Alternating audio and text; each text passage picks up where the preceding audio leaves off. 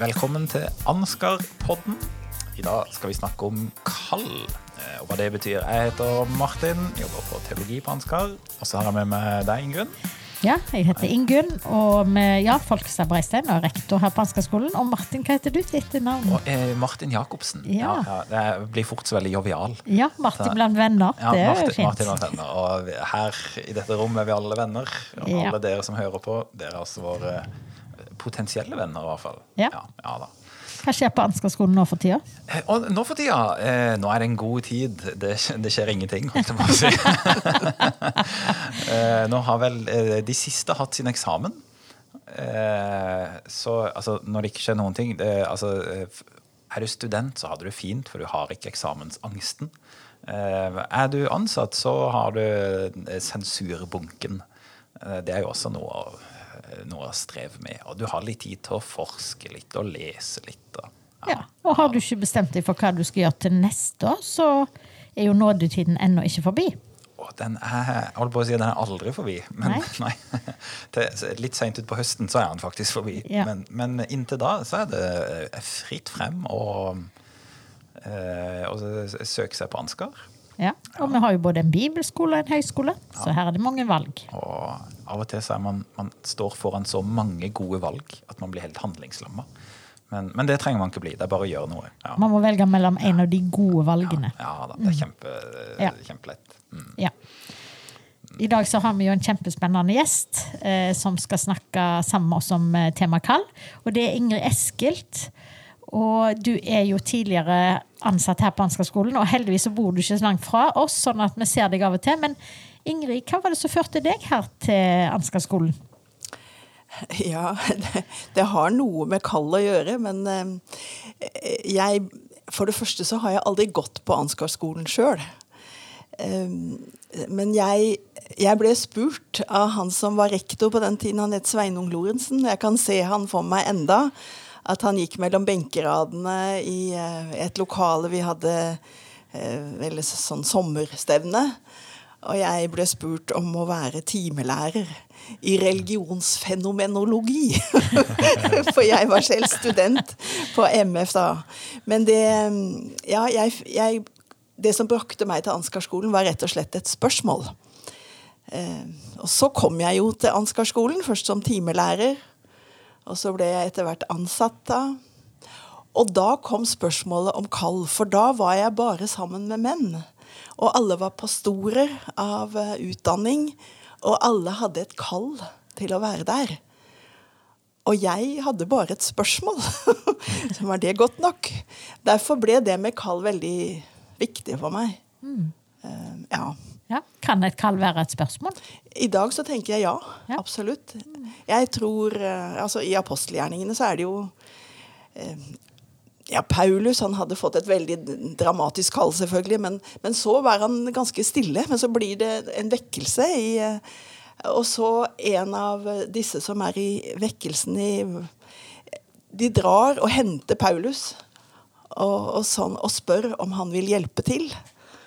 Og sånn ble han på en måte først introdusert for det som ble hans livsoppgave. sånn sett. Ja. Ja, det var et spørsmål. Og, eh, jeg husker etter at eh, biskop Stein, som er biskop her i, i Agder eh, Ganske nylig etter at han hadde vært biskop, så sa han at dette er jo en, en, eh, en oppgave og en jobb som jeg eh, aldri hadde funnet meg sjøl i og søkt på, men jeg ble spurt av noen. Ja. Um, så ehm, Altså, hvor, hvor kan dette kallet komme fra, holdt jeg på å si? Eller, eller dette eh, Kom her, eller eh, ville du eh, Ville du komme her? Det kan jo komme som et spørsmål. Hvor kan det komme fra? Må det, må det komme fra Gud? Kan det komme fra mennesker? Kan det komme litt fra begge deler der?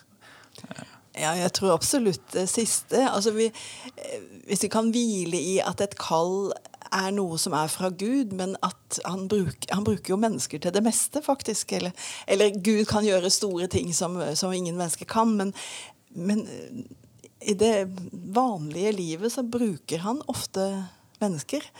Men jeg kan jo eh, si at når jeg holdt på med dette med kall, så, så fant jeg ut at det var to på en måte hoved...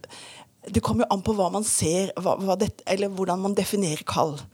Så jeg husker jeg har hatt studenter som, som, sa jeg var livredd for å gå på bedehuset, for tenk om jeg fikk kallet, med stor K, nærmest. Og da er det jo på en måte en forståelse av kall som, som jeg noen ganger har kalt for kappe. Altså I, i en av kongebøkene så står det om overgangen mellom Elia og Elisha, profetene. Eh, og da, da, står det om den store profeten Elia, han på Karmel. Han, han skjønte at han snart skulle slutte som profet og gå hjem til Herren. Og så virker det som at eh, denne stakkars Elisha han, han går helt troskyldig og eh, pløyer med okser. Og så kommer Elia og kaster kappen sin over han og sier 'Du skal overta etter meg'. Og, og, det er klart at, at, en sånn forestilling om kall er ganske skremmende. Og, og, mange har i hvert fall i gammel tid tenkt at Gud kaller meg til det jeg minst av alt har lyst til. Altså Hvis jeg elsker varme, så blir jeg kalt til Grønland og sånn. og jeg tror det er veldig og, Men, men jeg, jeg, leste noen, noen i, i, forbindelse med de som reiste ut som misjonærer for Det Norske Misjonsselskap på 1800-tallet. Og da var det noen brosjyrer som sa at hvis du er veldig interessert i språk, f.eks., så vær oppmerksom, for dette kan være eventyrlyst og ikke kall. Um, og da er det dette kallet med stor K som på en måte kommer helt sånn uventa ovenfra og kastes ned på deg. på en måte.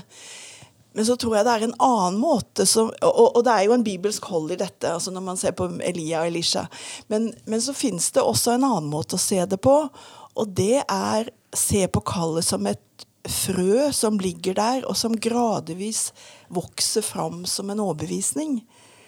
Og det tenker jeg er mer i samsvar med sånn som man tenker nådegaver, f.eks., eller bevissthet om hva Gud har gitt meg av, av ting. Og, og, og det er jo også interessant, fordi at i gammel tid så hadde man jeg, altså jo, jo mindre man var i seg sjøl, og jo mindre en var på en måte kunne si noe om at 'jeg kan jo egentlig ingenting', men Gud har kalt meg. Vi har noen eksempler på det i misjonshistorien. Mens i dag så er det jo mye mer sånn at eh, du blir spurt ja, hva, hva mener du at du har for kvalifikasjoner som gjør at du tror at du kan reise ut i misjon, f.eks. Så, så det, ting har endra seg, både eh, kanskje også litt med hvordan man ser på Gud. Og det har endra seg i hvordan vi som mennesker har tilnærming til dette. Men jeg tror det har i hvert fall vist meg at Gud kan kalle på usigelig mange måter. Ja. Har, har, alle mennesker et kall, eller er det noen spesielle som har et kall? Uh, ja, Det er jo også noe. fordi jeg tror at vi I dag så snakker vi om ikke bare eller vi snakker mindre om misjonsvirksomhet og mer om eh, Hva kaller vi det? Å være misjonal. Og den ene er mer sånn de brennende hjertesak. Altså det er noen spesielle som, som, Noen er veldig gode i musikk, mens noen er veldig interessert i misjon. Så de sender vi ut til misjonsmarken. Mens i dag, når vi tenker misjonalt, så er det egentlig alle som er disipler eller Jesus-etterfølgere, er kalt. Følg meg, sier Jesus. Og det er, det er på en måte kallet som jeg tror enhver troende har fått.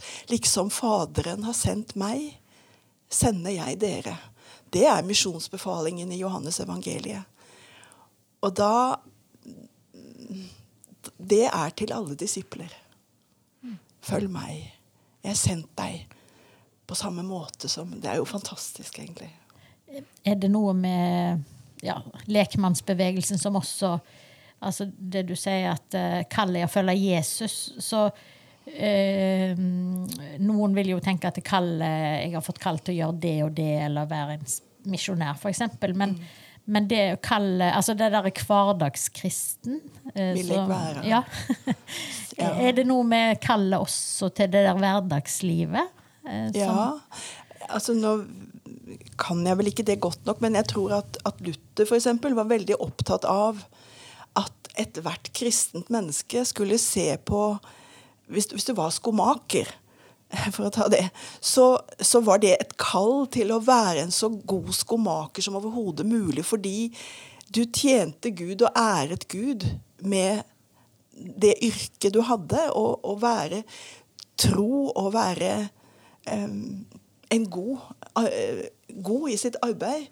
Ikke for å fremheve seg sjøl, men at Gud skulle Gud skulle få ære av det, og at, og at, han hadde gitt meg noen gaver, og derfor kan jeg gjøre dette. Mm. Ja.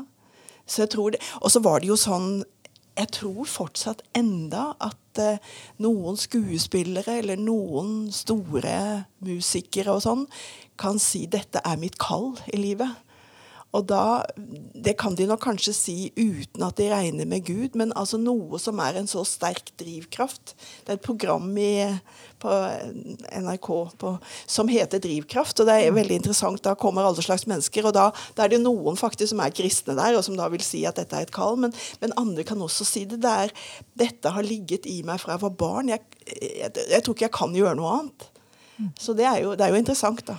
Ja kjempespennende skille det mellom det kalde som bare kommer som denne kappa som dekker og da drar deg med, ja. uh, og dette som, uh, spirer og vokser frem. Ja. Um, og jeg vil nok òg tro Det jeg kjenner fra min menighetsbakgrunn, er at det, det siste er kanskje det som eh, dominerer mer nå.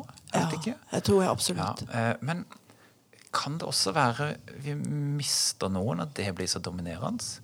For da da høres det ut for meg at fort kan det bli sånn at ok, skal du få et kall til noe, ha et kall til noe, så må du være dyktig på noe.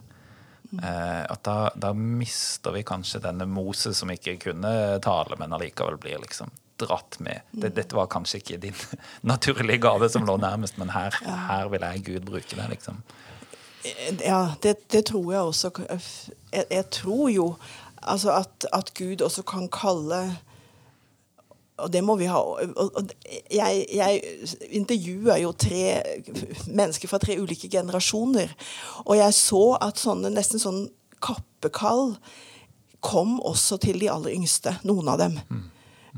Men, men, det var ikke, altså, blant de yngste så alle forventa ikke at det var det kallet de skulle få. Eh, men noen hadde fått det. Og de, og de sa de kunne stadfeste det og si veldig tydelig. Så, så, jeg tror, og jeg tror at det er nødvendig. Altså, for det Gud kaller noen spesielle, og ikke nødvendigvis, som du sier, ut ifra menneskelige eh, ting, men at Gud på tvers av alle ting kaller. Det tror jeg også. Og det må vi ha. Må ikke glemme det. Nei, det har du rett i du intervjua vel i din doktoravhandling da, tre generasjoner ja. av eh, mennesker som sa de hadde fått misjonskall eller ja, hadde vært ja. misjonærer. Mm. Hva alder var de? Kan du si litt om hva altså, du fant? så Den eldste generasjonen var de som eh, reiste ut i misjon rett etter krigen, så snart krigen var slutt omtrent. Så de var unge voksne. Eh, veteraner kalte jeg de. Og så var det, min generasjon som vokste opp rett etter krigen, og som reiste ut på 70-tallet, kanskje. Og så var det de som var født på 60-70-tallet, og som reiste ut i, i 90-årene eller sånn. Mm. Um, det som jeg også så altså Det var en god del viktige endringer som var skjedd med dette. Og én ting var jo at de som, de som reiste ut i misjon rett etter krigen, de reiste ut for resten av livet. Altså kallet gjaldt Det var et livslangt kall. Og det var ganske interessant, for da møtte jeg jo Når jeg intervjua dem, så var de jo gamle mennesker. Um, og noen av dem hadde f.eks. reist til Afrika, og så av ulike grunner, ofte helsemessige grunner, enten hos barna eller hos de sjøl, så måtte de reise hjem. Men de beholdt en misjonær, Afrikamisjonæridentitet resten av sitt liv. Selv om de kanskje hadde levd lenger i Norge enn de hadde levd i Afrika. Så det var interessant. Mens den yngste generasjonen eh, de kunne også snakke om at jeg har fått et livslangt kall. Men hvor det leves ut hen, det kallet, det kan være forskjellig. Og det, det syns jeg var veldig altså, Når de reiste ut i misjon, så så de Jeg må si det var en bok som kom av Magnus Malm på 90-tallet. Eh, som hette Veiviser. Veivisere. Og han, han skrev Og jeg, jeg snakket med mennesker som opplevde det som en veldig frigjøring. For det var jo også sånn at hvis du reiste ut Og de, jeg møtte dem, også de som var på min alder, som hadde reist ut og tenkte dette er livslangt. Og så kom de hjem helt utslitt og visste at jeg kan aldri ut igjen mer. Og da hang det over deres liv.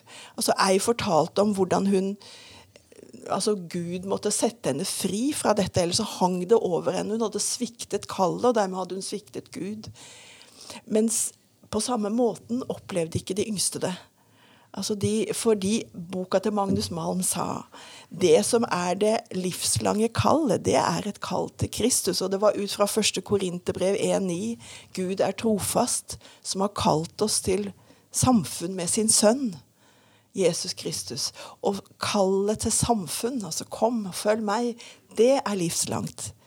Men det andre kalte Magnus Malm for sendelse.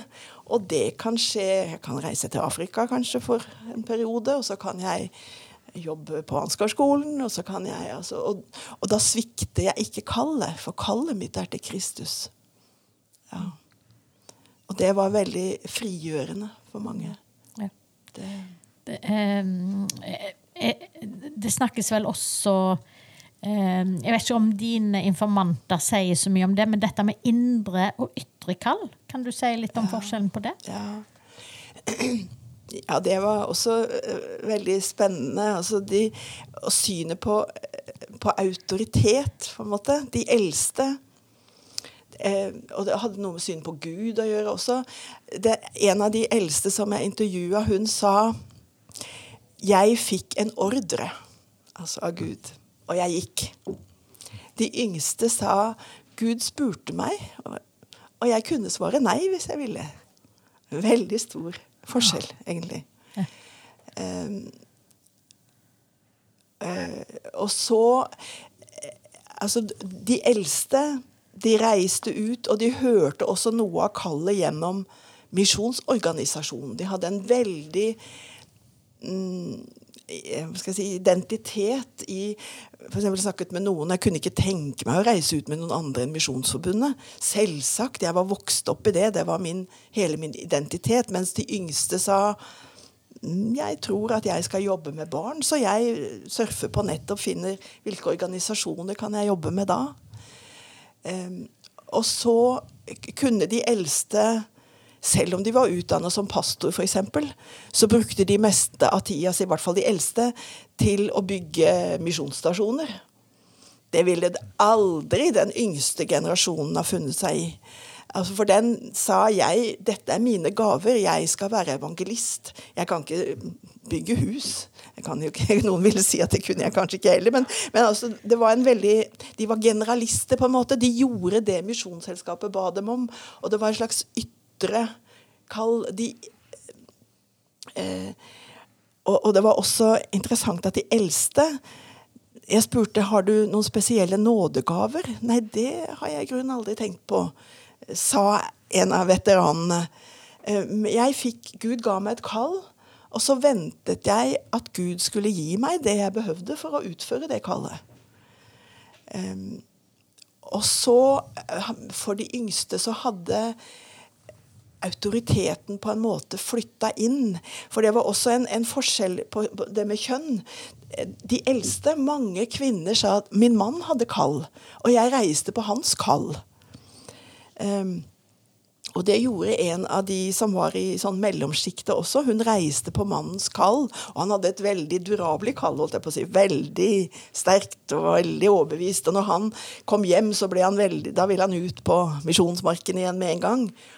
Og da sier hun Da kjente jeg at jeg ville være ulydig mot Gud, mot det Han har gitt meg av indre overbevisning om det jeg skal gjøre. Hvis jeg uten videre bare reiste på, på min manns eh, kall. Så da hadde på en måte denne autoriteten flytta inn som en eh, eh, Jeg må være autentisk eller ekte. Jeg må være sann mot meg sjøl for det Gud har gitt meg. Så det var for meg en veldig sånn Det var en eh, et, et ny måte å se ting på. Ja. Eh, noe som overraska underveis, høres det ut som. Ja, Det Ja. overraska meg litt. Eller det var en sånn aha-opplevelse. Ja. Ja. Ja, kjempeinteressant åssen eh, selve blir tydeligere. Eller jeg Mm. og mitt prosjekt og mine gaver blir tydeligere og tydeligere. Sånn Mm. Ja. drivkraft. Veldig mer tydelig. Ja. Um, um, det, eh, åh, eh, av og til skulle man jo ønske at man kunne fortsette å intervjue disse. Jeg kan jo eh, lure på hm, ok, hvis, hvis det er mi, mine og mine gaver, jo viktigere det blir, uh, jo lettere blir det kanskje å, å ikke forfølge dette kallet. Ehm, for å gå i det kallet blir på en måte Da skal man være profesjonell. Da skal man være veldig flink. Um, og uh, Grunnen til at jeg er inne på den tanken, er at jeg av og til tenker at jeg tror Magnus Malm har hatt ganske mye å si for hvordan man tenker om, om kall, og om kall som det å komme til Jesus, om kall som altså den, den mindre biten som det oppdraget. Eh, at det er veldig det er lett å omfavne det store hovedkallet. Um, og kanskje eh, vanskeligere å omfavne, eller lettere å unngå det lille kallet, som kall til en spesiell oppgave eller en spesiell tjeneste. Um, uh, hva, um, hva tenker du om det? Tror du, tror du det er vanskeligere nå, eller ligger liksom, at det ligger mer naturlig å ta kallet til å følge Jesus, og kanskje ikke helt se det kallet som et, det oppdraget? Ja, det, tror jeg nok kanskje. Jeg tror i det hele tatt at, at hele spørsmålet om, om identitet er helt annerledes framme på agendaen i dag enn det var for de eldste. Um, I dag så er vi på en måte tvunget til selvrefleksjon på en helt annerledes Det betyr ikke at ikke de gamle drev med det, men, men det er blitt mye viktig for valgene våre.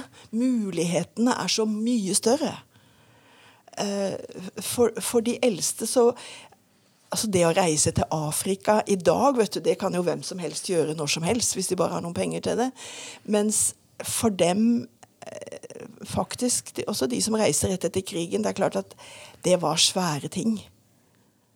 Eh, mens i dag så Så derfor Dette er, det er innfløkt, egentlig. For med, med det samme en begynte å snakke om sånn korttidsmisjon, som de yngste jo reiste. De reiste bare for en kort tid, ikke for resten av livet. De, de eldste pakka jo i kister som de kunne bruke som likkister. Det gjorde de, ja. For å, for å si det historisk sett altså eh, Det svenske misjonsforbundet som vi jobbet sammen med, de, de begynte misjon i, i det som er den store det som heter Zair i gamle dager, eller den store folkerepublikken Kongo, i 1880-årene.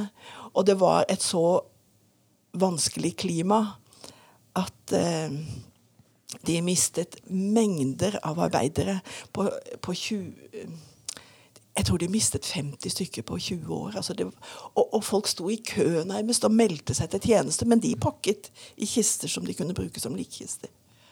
Ja.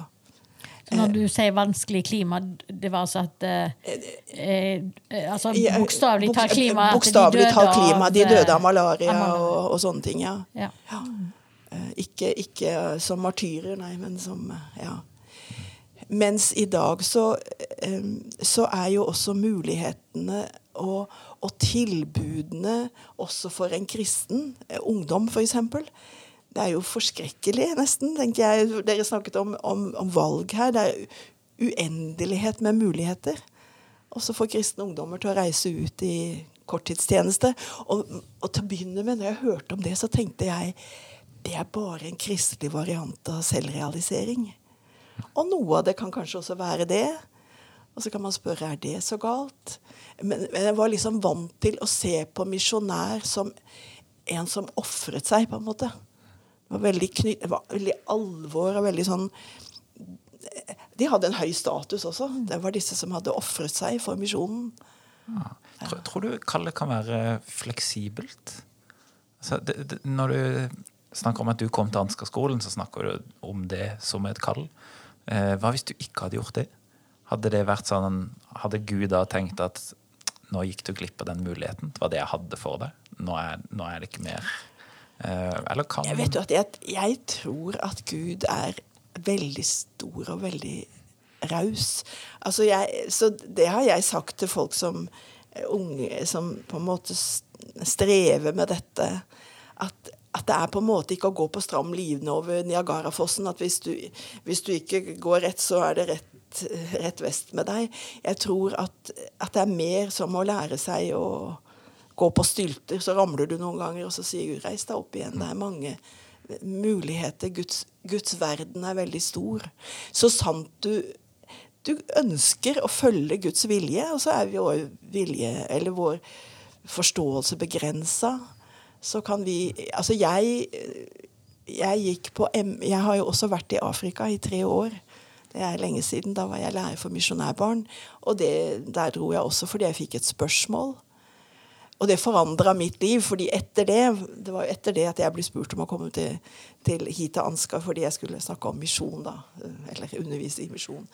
Men eh, da, når jeg fikk det spørsmålet om å dra til Kongo, så drev jeg og tenkte eh, jeg lurer på om jeg skal For jeg var lærerutdanna i, i Bonn og gikk på MF på grunnfag kristendom. Og da trodde jeg at jeg skulle søke på jobber eh, i Nord-Norge, fordi jeg hadde hørt at det var behov for kristne lærere i Nord-Norge. Eh, og så ble jeg spurt om å dra til Kongo isteden. Eh, jeg tror ikke jeg hadde gjort Gud imot om jeg hadde reist til Nord-Norge heller. Men livet mitt ble veldig rikt. Jeg ble veldig takknemlig. Og når jeg ser tilbake, så er jeg veldig takknemlig. Men, men jeg tror Jeg vet ikke om Ja, jeg tror Gud er, Gud er mye større og rausere enn vi tror, tror jeg. Men når du eh, begynte på Ansgarskolen, så er det jo sånn som du sier at den gangen ble man jo kalt til Ansgarskolen ja. også formelt sett. altså Det var ikke en stillingsutlysning, men Nei. det var formelt sett også mm. omtalt som et kall.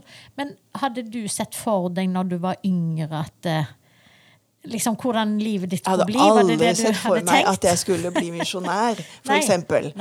Eh, misjonær, det var Annie Skau Berntsen og sånn. Ja. Og jeg var jo bare ikke noe. Eh, så når jeg kom til Kongo, så var jeg veldig Jeg husker at jeg møtte noen, noen, nordmenn som var på besøk, og de syntes nok det var veldig fattigslig. Vi gikk rundt i Brazzaville, i hovedstaden der. Og så sa de plutselig 'Har du kall til å være her?' Og så tenkte jeg meg om sånn Nei, jeg har fått et spørsmål, bare. Og jeg er ikke misjonær, jeg er bare misjonærbarnlærer. Jeg var veldig liksom eh, Ja. Fordi at misjonær var noe veldig sånn høythengende for meg. altså. Men så ble du jo lærer på først det som heter teologisk seminar og misjonslinja, og så etter hvert som ble en høyskole. Eh, du tok en doktorgrad, altså du har hatt en akademisk eh, arbeid. Eh, når du ser tilbake, så liksom tenker du at oi, det ja, sånn hadde jeg jo sett det for meg, eller eh. Jeg hadde ikke Jeg hadde overhodet ikke sett det for meg. Nei. Altså, jeg, jeg, jeg hadde en, et søsken, og det, det, var min bror som hadde Downs. Så jeg tenkte fra jeg var ganske ung, at jeg skulle jobbe med utviklingshemmede. Eh, det var derfor jeg gikk på skolen, jeg gikk på lærerskolen og tok spesialpedagogikk. Og min første jobb som lærer var på en institusjon for utviklingshemmede. Så, men så, så Av en eller annen grunn så hadde jeg så veldig lyst til å gå. Så jeg, jeg søkte altså på et år på MF. Jeg kom fra, fra eh, institusjonen på Bakkebø og, og til MF, og, og så blei det sånn. Så, ja. For du, for du, har vel ikke sø altså Noen søker jo veldig de utfordringene. og går liksom sånn, Men for eksempel, det var ikke du sjøl, hvis jeg har oppfatta det rett, som sa nå vil jeg ta en doktorgrad. For eksempel. oh, nei, nei. Har du noen gang følt nesten du har blitt eh, sparka ja. litt i vei, ja, eller liksom ja. bare ja, fått en sånn Å ja. det kan hende at det har noe med broren min å gjøre. Altså at jeg, jeg lagde meg en, en slags livsoppgave at jeg skulle som, som, har ført til at jeg aldri har følt at jeg egentlig har vært god nok. Så jeg har aldri hatt noen veldig store planer om hva jeg skulle gjøre. Så hvis ikke jeg var blitt spurt, og hvis ikke jeg hadde følt at eh, jeg burde jo Det har vært mange burder i mitt liv. Burde jo dra til Amerika på dette som Sveinung Lorentzen sier at, at, jeg bør gå på som, som eh, eh, så hadde jeg nok aldri hatt mot på det. Men, men, når jeg ser tilbake, så ser jeg jo at jeg lærte veldig mye. Det var, men, men, det var ikke for egen maskin. Nei, mm. egentlig ikke. Nei. Så det kan også oppleves i etterkant eller kan det det? Som jeg som, kaller at man liksom ble dratt en vei man ikke hadde tenkt? som, en ledelse, som en Guds ledelse, vil ja. jeg si. Så kan man diskutere er det forskjell på kall og ledelse. Og kall har noen ganger vært noe sånn derre før og etter sånn livsforvandlende, mens en ledelse er mer sånn noe som skjer uh, underveis. Ja. Uh, men uh, jeg, jeg, vet ikke hvor, hvor, viktig det er å skjelne veldig mellom det, men at i dag, når jeg er blitt 72 år og ser meg tilbake, så opplever jeg jo at Gud har vært trofast og ledet meg på måter jeg aldri hadde, aldri hadde tenkt i forveien. Ja. Tilbakeblikket er enklere. Ja, det er faktisk det, enn når du står oppi det. Ja, det er, eh, jeg jobber jo en del med eh, troslære og dogmatikk og sånn, og eh, det kan bli nesten litt begeistra av denne her, å, å, kunne ha en forståelse av kall som rommer også de som må eh, dras. Som ikke bare egen maskin sier liksom 'Se, her er jeg. Jeg er kjempeflink. Derfor skal du sende meg.' Ja, ja, ja. ja, ja nei, nei, jeg har vært det motsatte. Ja, ja. Um, og da har spørsmål vært viktig. Å, å bli spurt. Mm. Ja. Um, har du spurt noen opp igjennom?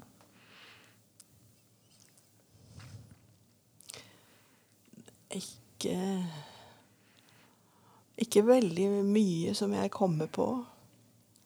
Men eh, ja, men jeg er blitt mer bevisst på det nå når jeg er blitt gammel, at, min, at jeg har en oppgave i å oppmuntre unge til mm. å, å, å, kanskje prøve å se eh, og oppmuntre til å ja, gå her på skolen, f.eks. Eller, mm. eller tenke Ja, men jeg, jeg, nei, jeg har ikke spurt veldig mange. Kanskje jeg skulle ha spurt flere. Ja, ja. Jeg tenker det er for min egen del. Hvem har jeg spurt? Jeg vet ikke hvem jeg har spurt. Om jeg har spurt noen. Men jeg, men, jeg tenker at det er, det er faktisk en, en, del Det burde vært en, en, en, del av det å være ansatt her på skolen. At vi på en måte ser og oppmuntrer mennesker til å, å si at det, Gud kan bruke deg. Ja. ja, det er vel noe mange som har opplevd i livet det at hvis noen har spurt dem, sånn som du mm, sier, og mm. andre at eh, kanskje Å ja, kanskje det skulle jeg gjøre som de ikke hadde tenkt på. Men jeg tror jo, Ingrid, sånn som jeg kjenner ditt liv og virke, så tror jeg jo du har om du ikke har uh, dytta i noen, så har du vel samtalt med noen og veileda de? Eh, ja, det har jeg. I, ja, det har til å hjelpe å finne ja. en retning? Ja, det, det, det har jeg. Ja. Og du har til og med oppmuntra meg om du sjøl ikke vet om det. ja. Ja. Og så må jeg jo si at det nå i ettertid, når jeg tenker på at, at, mitt kall ofte har vært et spørsmål fra noen, så er det jo også en, en, slags trygghet i at om jeg føler at ja, ja, det er jo noen andre som har kanskje sett noe i meg, da, som jeg kanskje ikke har sett sjøl, men at, at en også kan Det er litt hvile i det. Mm. Ja. Mm. ja. Og særlig nå når man har så mange muligheter. Mm. Så tusen muligheter og mulige fremtider. Og um, en ting vi kan merke her på skolen, hvis mm. noen skal skrive en oppgave i et fag, og så har de 20 forskjellige oppgaver de kan skrive, og så blir man litt handlingslamma og rådvill, og det er vanskelig. Uh, men hvis noen kan si at hei, hadde ikke dette vært noe for deg? Ja. Om det er en oppgave, ja. eller om det er mm. en, en, tjeneste, eller ja. hva det er for noe. Mye hjelp i det. Og hjelp i å ikke stå alene i det. Ja, ja. Og, og det, det, har jeg tenkt en god del på, at, eh, at i dag så, så tror jeg at et, et kall Det høres veldig stort ut, men i hvert fall en slags overbevisning eller en slags trygghet for at jeg skal jobbe med mennesker, eller jeg vil jobbe i Guds rike, at, at, en, at kall i dag mer er å si nei til mange ting. Eh, fordi tilbudene er så mange, og, og, mulighetene så mange, og til slutt så, så blir en helt forvirra. Eh, så det å At et, en kall, en overbevisning, kan hjelpe en til å stake ut en kurs, på en måte, og si nei til noen ting. Og så, si helhjerta ja til noe. For det er det òg at eh, hvis man på en måte sier ja til alle mulige tilbud, og, og så, så, blir en eh, ja forvirra og ja. Mm. Og nå har du jo eh, ikke en jobb. Eh, du har jobb på Hanska, nå er du pensjonist, og det er jo mange unge og gamle som ikke har jobb. Eh, du har ikke en jobb, men har du fortsatt et kall? Ja, jeg tror det. Eh, det er noe som jeg ikke har sagt eh, når det gjelder kall. Fordi at jeg har fått kall når det gjelder yrke og sånn, så har jeg jo fått det gjennom spørsmål. Men jeg har en opplevelse som er en slags kallsopplevelse, og det er um, Jeg var i begravelsen til uh, en av uh, pionerene i uh, misjonen i Kongo. Borghild Frogner het hun. Og jeg kan ikke forklare det, men, men, jeg ble veldig i den begravelsen overbevist om at jeg skulle overta noe etter henne. Og det var ikke, jeg var veldig klar på at det var ikke å være pionermisjonær, for det har jeg ikke gaver til. Jeg har aldri kjent at det var det. Jeg er aldri sånn der bulldoser som går foran. Men, men hun, jeg hadde lært henne å kjenne på hennes gamle dager. Og det var veldig rørende. Altså, hun, hun ble pensjonist. Hun, hun, hadde jobbet i jungelen i, i Afrika og opplevd utroligste ting. Og så bodde hun på Bjølsen i Oslo. Eh, og der bodde hun i et hjem hvor det bodde mange eldre mennesker. Og hun også på Bjølsen misjonsmenighet. Den gangen så var det mange, en del unge mennesker som kom. Og alle folk kom til Borghild. Hun var en mor for de som var eldre enn henne, og hun var en mor for de som var helt unge. Og akkurat den funksjonen, og det, det er veldig nesten litt Jeg har ingen barn sjøl, men jeg opplevde at det var den funksjonen. Den skulle jeg ha. Eh, og jeg har i grunnen ikke etterpå gjort noen eh, spesielle ting for det, men det har alltid ligget der. Eh, og det kan jeg jo være fortsatt. Ja. Eh, og da er det jo Det er jo dette Følg meg. Liksom Faderen har sendt meg, sender jeg dere. Og det gjelder helt til vi er framme. Ja. Det var en fin uh, avslutning, var det ikke ja. det? På... Takk, Ingrid. Takk for at du deler. Ja. Tusen takk for at du kom. Altså, det, vi, kunne, vi kunne snakke lenge, men jeg tror ikke vi Det var en sånn fin, fin måte å avslutte om kall. Godt. Takk.